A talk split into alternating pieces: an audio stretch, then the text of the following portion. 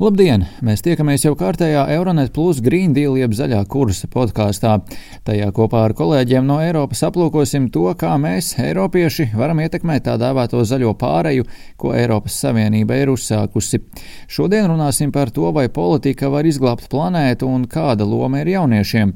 Klimata pārmaiņu risināšana ir saistīta ar cilvēku pārliecināšanu mainīt dziļi iesakņojušos ieradumus un paciest papildu izmaksas, tikmēr īstermiņā ieguvumus ir grūti saskatīt, un tādēļ pārliecināt politiķus, kuri ir atkarīgi no saviem vēlētājiem, var izrādīties sarežģīti.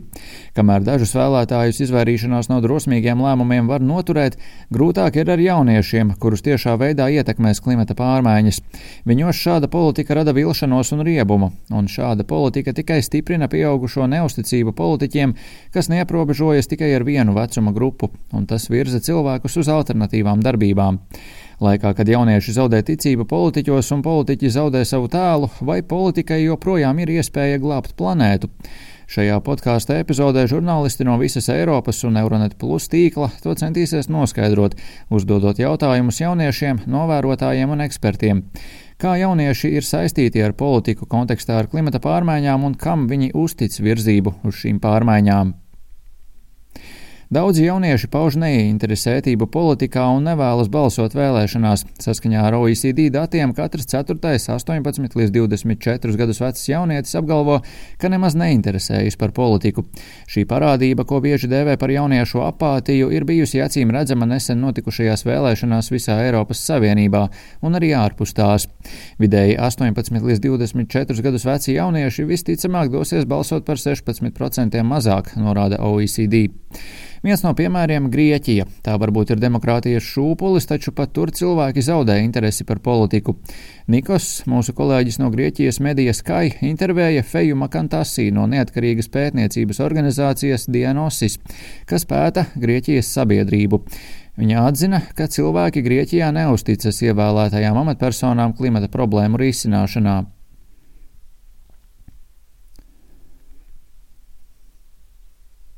Portugāle ir viena no valstīm, kas šķiet ir visvairāk neieinteresēta politikā. Neskatoties uz to, politiskā iekārta jauniešus joprojām neuztver nopietni, un par to žēlojas Porto Universitātes psiholoģijas un izglītības zinātņu fakultātes pētniece Kārla Malafaja. Viņa stāsta Kristīnai, mūsu kolēģei no Radio Renešenca, kā Portugāles jaunatne tiek uztverta politiskajā pasaulē. Malafaja uzskata, ka politiķi nedara pietiekami daudz, lai uzrunātu jauniešus un ņemtu vērā viņu viedokli. Tāda sajūta ir kopīga daudzās Eiropas Savienības valstīs.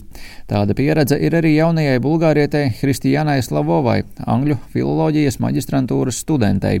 Viņu intervēja Marija Kristova no Bulgārijas Nacionālā radio. Ir vērts atzīmēt, ka Bulgārijā ir zemākais vēlētāju līdzdalības līmenis Eiropas Savienībā. Kamēr jaunieši novēršas no pašreizējās politiskās iekārtas, tas nenozīmē, ka viņi ir zaudējuši visas cerības uz pārmaiņām. Gluži pretēji, viņi sāk pārveidot un paplašināt politisko sfēru. Viņi iesaistās politikā, taču ne pa tradicionālajiem kanāliem un netradicionālā veidā. To Igaunijas kuku radio reportierim Maretam sacīja Tallinas Universitātes politikas profesors Nikolais Kunicons. Ja jūs pieņemat šo viedokli, politiku varam attiecināt uz visām dzīves jomām, un tā ietver visas mūsu ikdienas darbības un lēmumus. Tā noteikti ir taisnība, ka jaunieši tiecas mobilizēt jautājumus, kas viņus visvairāk satrauc.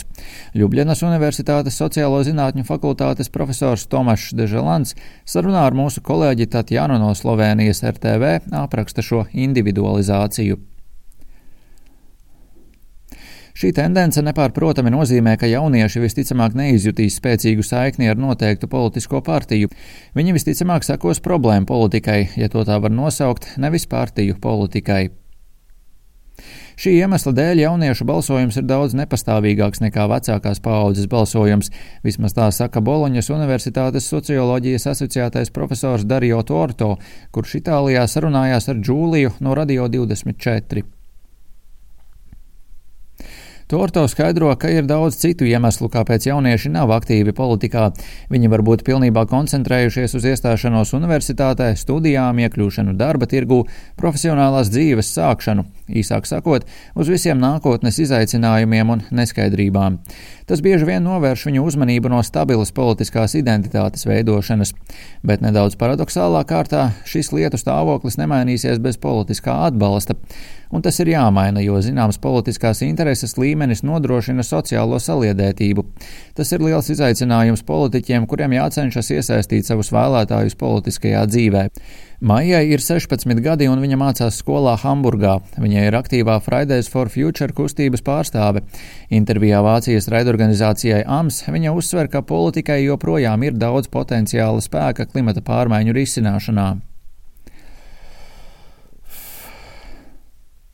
Kustība Fridays for Future ir iedvesmojusi daudzus jauniešus, pārliecinot viņus, ka to balss var tikt sadzirdēta, un kustība ir plaši atzīta par tās spēju ietekmēt politisko dienas kārtību un zaļo jautājumu iekļaušanu tajā, tostarp arī Briselē.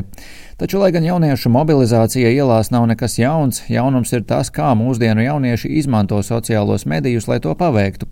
Patiesībā jaunās tehnoloģijas ļauj īstenot politiku bez politiķiem. To uzsver slovēņu eksperts Tomašs Deželants.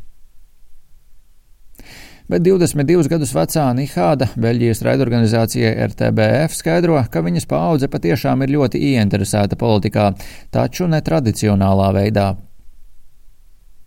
Lietuvā, valstī, kurā zaļā partija ir tikai sākuma stadijā, ekoaktīvists Lukas Stamulīnas atzinīgi vērtē faktu, ka vidas aktīvisms šķiet beidzot ietekmē vēlētāju uzvedību. Kā viņš stāsta mūsu Lietuvas kolēģiem no Žiniju radijas, komunikācijas metodēm laika gaitā ir jāturpina attīstīties. Savukārt Adelaida Šarlie pēdējos četrus gadus, kopš 17 gadu vecumā, ir bijusi viena no klimata aktīvistu kustību līderēm Beļģijā. Viņa kuģoja uz klimata samitu Čīlē 2019. gadā un pēc tam veselu gadu pavadīja Eiropas parlamentā kā novērotāja zaļajā partijā, lai labāk saprastu politisko sistēmu, ko pati kritizējusi. Intervijā Beļģijas medijam RTBF Adelaida skaidro, ka politika ir kompromisu māksla, un tas viņā radīs neapmierinātību. Taču demokrātija ir saistīta ar kompromisiem, un iespējams tur neko daudz nevar mainīt. Taču šīs epizodes galvenā atziņa ir tāda, ka jaunieši tiešām vēlas būt iesaistīti politikā, un tos nevar turpināt neievērot. Galu galā tā ir viņu nākotne.